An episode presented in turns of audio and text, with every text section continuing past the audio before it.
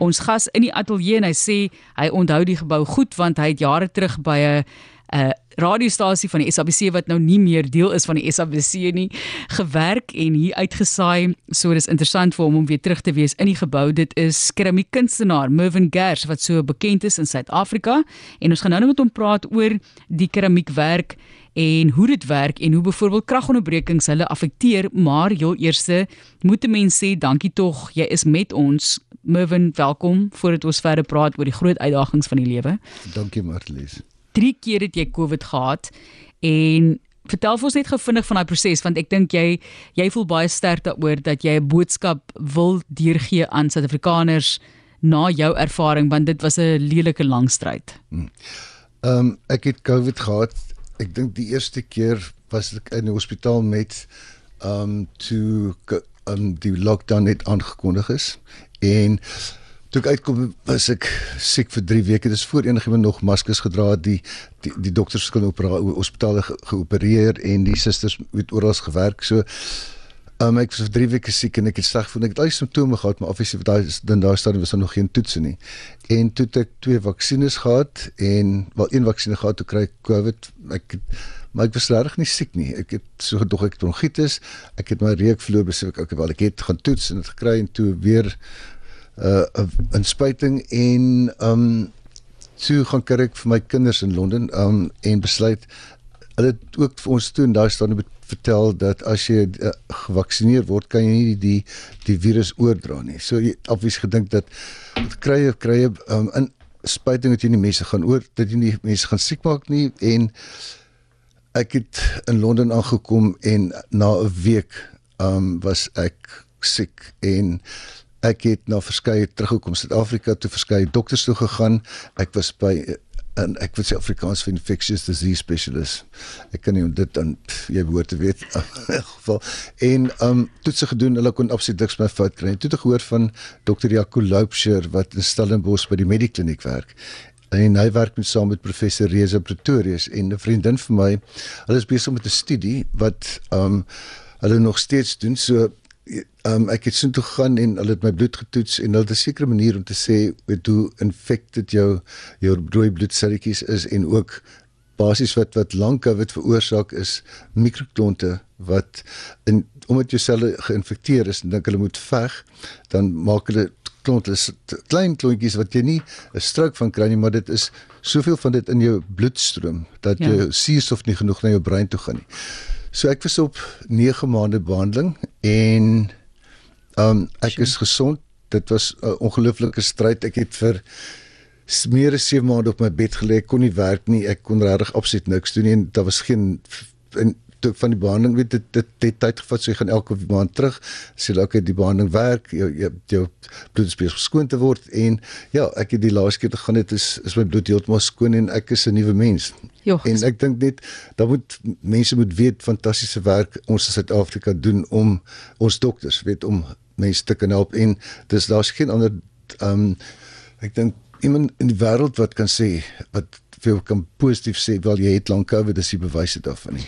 Ja, dis 'n groot ding daai, so ons moet dit definitief opvolg want Mervin ja, jy het gesê 7 maande was jy hmm. basies bedlend wat jy nie kon werk nie, wat jy niks wou doen nie. Jy sê jy kon nie eers hierdie gesprek op daai op daai stadium nee, voer nie. As ek as ek 'n um, na 'n vergadering moes gaan, het ek 2 500 ml Red Bulls gedrink en ek kon vir 20 minute aan die gang bly en dan moes ek dan was ek flou. So ek kon letterlik nie werk nie. Ek bedoel ek het net by die huis gelê en tyd het ook net verbygegaan want jy jy jy's nie werklik in beheer van jou brein nie. Dis nie jy kan nie werklik dink nie, jy kan nie praat nie. En ja, dit is dit was werklik die ja. lekkerste ervaring nie. So op daai noot van hoop sê ons weer eens hallo ook daar in Danielskuil is daar nog familie daar want hy het daar gematrikuleer en hy sê daar was 12 matrieks in die klas so op klein klein plekkie gewees waar jy groot geraak het. Ja. Ja, daar's nog familie my broer het 'n plaas daar naby so hy bly nog steeds daar. Gaan kuier jy? Bittermin. Goed. Hmm. Nie so baie nie. Nie so baie nie. Nou kyk jy dit is 'n klein plekkie en jy's nou in 'n wel nie 'n baie groot stad seker in terme van internasionale vlak nie, maar in die groot Kaapstad met 'n uh, baie groot ateljee waar jy vir jare nou al hierdie keramiek beoefen, maar jy het eers jy sou drama studeer. Al het so jaar drama uh, studeer en toe besluit jy op kommunikasie. Nee, ek het eers kommunikasie. Eers kommunikasie en toe drama. Skus, die mm. ander kant om het jy toe besluit om 'n jaar drama studeer. Hoekom het jy dink jy nooit op die verhoog beland nie? Of voor die kamera? Ag, weet jy dit was net ek moes kuns gestudeer het, maar ek het nie gedink ek ek het wat dit vat wat dit nie weet en homself um, daar gehad het geweet wat om te doen. Ek dink wel ek wil iets anders nog doen as net te gaan werk en toe ek drama gaan swat en ingekom by by Kaapstad, maar dit was weet dit is dit het net nie vir my gewerk nie. Weet ja. ek is nie ek is nie akteur nie. Jy weet moet jy ook te goed kom vinnig erken anders mors mens net tyd. Maar dit het baie gedeur. Weet stemwerk en so aan en ja. um interessant. Ek dink my loopbaan sou nie gewees het was was nie as weet ek met bemarking en verskeie goed wat ek geleer het ja. in die drama departement ja. Baie vaardighede wat jy geleer het, maar kom ons praat oor die kuns en ook die interieur. Ek gaan daai term gebruik. Baie mense wat sê nee, dis nie binnehuise versiering vir hulle nie, dis interieur. So jy het huise ook oorgedoen en netjies gemaak en dan verkoop en so aan. So waar kom daardie vaardighede vandaan? Want eh, of die kunstigheid dan ook vandaan vir wat jy gebring het tot waar jy vandag doen as keramiekkunstenaar? Ehm um, wat gebeur het ek was by KFM en toe die stasie weer geprivatiseer is, het ek my aandele gekry en ek het weg en ek was 40 jaar oud. En ehm um, ek was fit en kon nie werk kry nie of die werk wat ek kon kry het nie vir my agstaan ek was te gespesialiseer in een veld. En ehm um, toe het ek besluit wel wat kan ek doen? Ek het huis gekoop en dan gerenoveer en verkoop en Ehm um, ek het vir my huis gedink, goed, ek stel belang in keramiek. Ek het vir saam my hele hele lewe lank my huis is vol eetstelle en allerlei ehm um, kitsch objekte en so voort. En toe dog ek wel ek bou 'n studio aan en toe sy studio klaar is raak te bang om verkoop ek huis. En teen die derde huis was ek nou moet ek begin. Toe ek vir my toe ek vir my kilns gekoop en ehm um, en begin. En ja ek sien huis of werk eers groot net groot potte. En ehm um, Die potte was geweldig moeilik om te maak. Dit was ja, Japaneese haggistel kluise, so jy moes 'n paar keer glasuur en vuur en dan weer glasuur vir om dit baie dik glasuur te kry. Kyk, maar jy het nou jy, jy het nou 'n stap oorgeslaan hier sommer. Kom ons okay. net gevindig wat jy het gegaan van die feit dat jy altyd 'n uh, groot ondersteuner was en dat jy 'n groot versamelaar was hmm. na dis nou tyd om hierdie keramiek self te vervaardig. So ja. kyk, daar's baie dinge wat ek so oorvoel in die lewe, maar daar in die middel is daar 'n leerskool. So waar het jy geleer om met keramiek te werk? Foo, um, ek het in die vroeë 90's ek so uh, vir about ongeveer 'n jaar by Tom van Hoefe klas geneem, maar jy gaan een keer week vir 3 ure en weet jy kan basies iets vir so 6 cm hoog bou en dan val dit om so. Dit het verswerend geraak. Ek dink ek het 'n paar potte gemaak en Ehm um, dit het opgehou en ek het nou net by die huis begin werk en dit is dis net vir my klein natuurlike ding om mee te werk. Dit is net baie eenvoudig en maklik en ek hou van driedimensioneerde werk. So ja. ehm ja. um, dis vir my net 'n natuurlike proses. Goed, so toe jy nou die stap geneem en jy het belê en, en alles wat jy nodig het. Alles wat nodig het en absoluut niks van niks geweet om sê ek gaan my eie glasuur maak en ek meen dit is die moeilikste ding van van keramiek. Hoekom? Ehm um, dit is alles 'n chemiese proses. So eintlik is glasuur is glas. Dit is 'n glas wat dit wat om die klei kom. Maar jou jou klei en jou glasuur, kleibasis en jou glasuur moet pas aan mekaar. Dit moet dieselfde hitte met dieselfde uit uitsit of krimp. Punt. Ja, hulle moet as as hulle uitsit en krimp op dieselfde manier doen. As dit breek dit af of dit kraak of wat ook al so. En en as dit te warm vuur dan dan loop dit af van jou van jou klei af en dit is alles 'n chemiese proses wat wat ongelukkig is my chemie so sterk. Hoe lank het dit vir jou geneem om daai proses perfek te kry? Nee, dit dit, is aan dit hou aan. Ehm um, ons maak nou 'n glasuur, ons kry um, 'n fantastiese glasuur, ons kry al die bestanddele en dan ewe skielik ehm um, so oor 6 maande kan ons die glasuur nie meer maak nie want een van die bestanddele wat die verskaffers gee verander en dan mm. is die dan kan jy dit nie doen nie. Jo. Ja. Wat 'n proses. Dis Moving Gersa die kuier, die bekende keramiekkunstenaar en ons gesels met hom oor sy loopbaan, die pad wat hy gestap het tot waar hy vandag is en begin met sy gesprek oor COVID en net om te sê daar is hoop sê hy dat hy aan die ander kant van lang Covid gekom het. Dankbaar daarvoor want ek wou lankal met jou eintlik so ek dink dit was 'n jaar terug of iets het ek nogal gesê ek sal nie omgee met jou te gesels nie, maar toe vooraf my gesê jy is nog baie moeg. So ek is nie seker van die tydlyn nie, maar ons praat oor keramiek en kuns. So wanneer is dit net 'n bord wat jy maak en wanneer is dit kuns in jou oë? OK, dit is dis 'n moeilike een. Ehm um, wat ons maak is funksionele kuns sou ek sê. Um alles word met die hand gemaak, niks word met masjinerie gedoen nie. Dis nie um 'n massaproduksie nie. So elke liewe ding word elke produk wat ons gemaak gaan deur 22 paar hande. Weet so dit is nie en dit word gedoen met die idee dat dit anders is. So geen produk is dieselfde as die ander nie. Ja. Um so dit is dit is nie heeltemal kuns nie, maar ek dink wanneer dit by kuns kom dan raak ek dis so makliker om die keramiekborde te verkoop, maar die kuns is te na in jou hart so ek hardloop weg. te verkoop. Ja, ja, hardloop weg as mense kom want jy voel weet um nie gemaklik nie. Ja. Dis nie goed genoeg nie. Wat ek as ek dink almal struggle met daarmee. Ons gaan nou 'n bietjie gesels oor wat julle tans mee werk mm. en die kreatiwiteit waarmee jy vorendag kom, die kleure waarmee jy speel wat vir my verskriklik mooi is. Die seegroene en die blou en die daar's goud wat ingewerk word partykeer maar Ons praat dus so van hierdie keramiekkinders. Jy is nog gefassineer deur keramiek reg oor die wêreld. -hmm. Is daar 'n stuk in jou huis waaroor jy baie sterk voel wat jou gunsteling is? Ek het 'n stuk wat jy sal lag as jy dit sien. Dit is dit lyk of dit op op 'n begrafnis op op graf moet wees in 'n begrafplaas. Dit is so 'n bak met rose en blomme en voëls op. Dit is verskriklik kitsch, maar dit dit toe ek die dag het sien, het ek uitgebars van die lag en ek moes dit net koop. Goed, dit is duidelike emosionele reaksie ontlok. Ja. Dit is verskriklik mooi vir my. Ja. Ehm um, maar ek het ek het goed ek versamel vanaf die Victoriaanse era. Die, ek is mal oor die mid-century die 70s um Japaneese keramiek iets ja dis is iets van alles. Mervin as 'n mens nou praat van eetgery. Ek mm. ek noem dit nou sommer eetgery ja. want jy praat van funksionele items. Jy weet dit is 'n pragtige bak waarop jy kos bedien of mooi borde of hoe dit ook al sy koppies waar jy drink.